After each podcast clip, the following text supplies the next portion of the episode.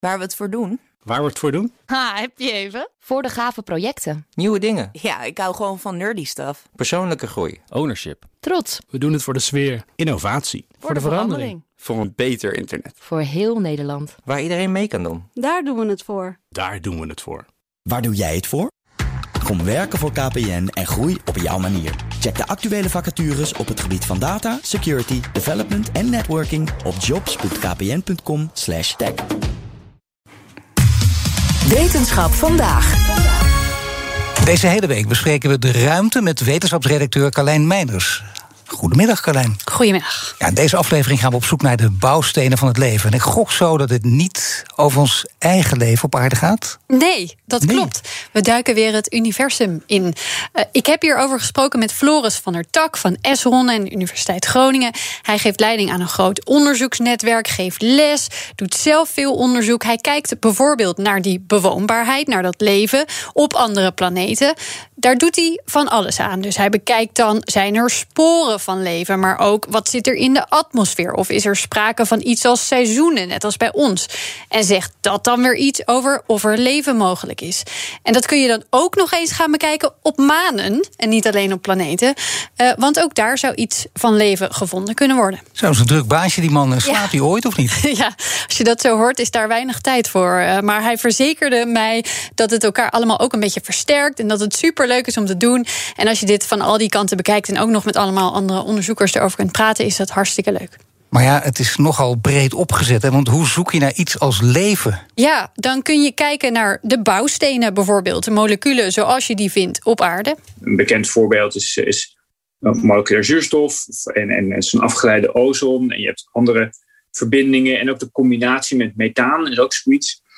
Um, dus iets wat je heel goed kunt doen, is gaan kijken naar of je dat soort moleculen kunt vinden in de atmosferen van planeten ergens anders. Kunnen we die zien? En dat, dat, dat blijkt dan best wel van het soort planeet af te hangen en zo. Um, stelt dus ook eisen aan je telescoop. Hè. Je moet dus uh, op bepaalde golflengtes kunnen kijken en met een bepaalde scherpte en zo. Kun je ook kijken van, ja, uh, hoe lang duurt het dan? Hè? Want uh, kun je dit in één nacht zien of heb je een heel jaar waarnemtijd nodig? Dat, dat wordt al wel, dan gaat het eigenlijk al een beetje te ver. En een, andere mogelijkheid is om meer breed te kijken naar van wat voor soort moleculen zouden typisch kunnen zijn voor uh, leven in het algemeen, niet speciaal aards leven. En dan uh, kom je dus al gauw terecht bij ja, een beetje ingewikkelde moleculen. Ja, dan laat je dus eigenlijk een beetje los wat we al kennen hier op aarde.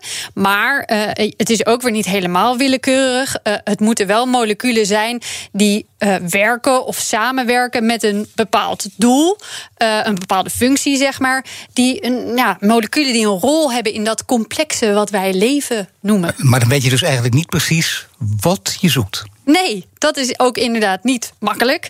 Je kunt ook naar iets anders kijken. Uh, dat helpt misschien een beetje. Namelijk bijvoorbeeld een gebrek aan evenwicht. Bijvoorbeeld als je twee gassen bij elkaar vindt in één atmosfeer. die eigenlijk normaal gesproken met elkaar zouden reageren.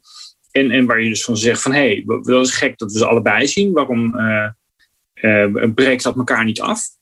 Dan is het dus blijkbaar zo. Zoals dus bij zuurstof en methaan in onze atmosfeer, dat ze allebei steeds opnieuw worden gemaakt door iets, bijvoorbeeld bacteriën of zo.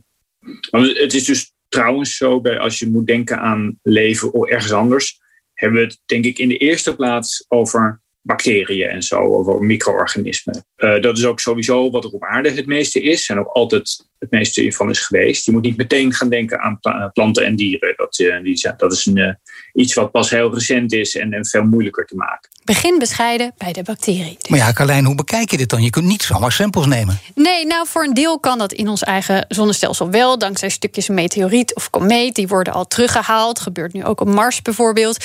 Maar je kan niet overal naartoe vliegen of iets erheen sturen. En dan, we hebben hier al eerder deze week over gehoord, gehoord kijk je met behulp van licht naar de vingerafdruk van moleculen. Daar is al van alles uh, aan gedaan. Dus uh, bijvoorbeeld uh, is er al water en kooldioxide en koolmonoxide en nog een aantal gassen dus gevonden. En, en ook wel meer exotische dingen. toevallig hebben we met mijn groep la laatst een, een chroomverbinding gevonden. Dat is trouwens geen teken van leven. Dat is eerder een teken dat het er veel te heet is voor leven. Maar dat is ook goed om te weten natuurlijk. Dat uh, onbewoonbaar is ook informatie. Want uh, chroom is toch metaal? Ja, gezellig hè?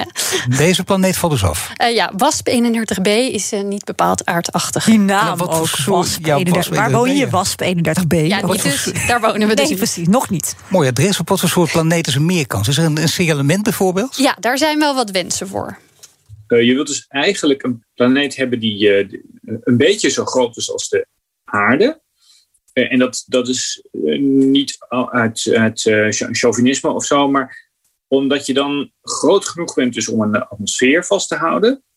Maar niet zo groot dat je een ontzettende dikke gaslaag krijgt, zoals nou ja, Jupiter of zo. En ten tweede moet hij dus ongeveer ver genoeg wegstaan van zijn ster. Uh, dat, dat het er ongeveer zo warm is als hier. Dat, dat er uh, dus vloeistof mogelijk is. liefst water, maar dat lijkt ons handig. Maar mag eventueel ook wel andere vloeistof zijn. Maar vloeistoffen heb je wel echt nodig voor een beetje biochemie omdat dan gewoon uh, moleculen het, het beste bij elkaar komen. Als ze dus ergens in oplossing uh, lekker naar elkaar toe kunnen zwemmen, zeg maar. Ja, en die planeten die zijn er ook wel. Dus volgens mij zelfs een top 25. Er zitten hele spannende missies aan te komen die hier naar kijken. En als we dan qua instrumenten kijken, waar hebben we nog wat aan? Dan noemt hij ook nog een formatie van satellieten dichter bij zo'n planeet. Want nu uh, kijken we vanaf de aarde, maar dan zit dat licht van die ster heel vaak in de weg. En dat wil je het liefst eruit filteren. Dus als dat nog gebouwd kan worden, worden ook al wel testen mee gedaan. Dan kunnen we nog beter naar die top 25 van aardachtige planeten gaan kijken. Daar willen wij nog veel lang over praten, maar helaas kan het niet vandaag. Ik dank je, Carlijn. Wetenschap vandaag wordt mede mogelijk gemaakt door Gimmicks. Gimmicks, your trusted AI partner. Ook Harm Edens vind je in de BNR-app. Je kunt BNR Duurzaam niet alleen live luisteren in de app, maar ook terugluisteren als podcast, zoals al onze podcasts. En naast dat de BNR-app Breaking News meldt, houden we je ook op de hoogte van het laatste zakelijke nieuws. Download nu de gratis BNR-app en blijf scherp.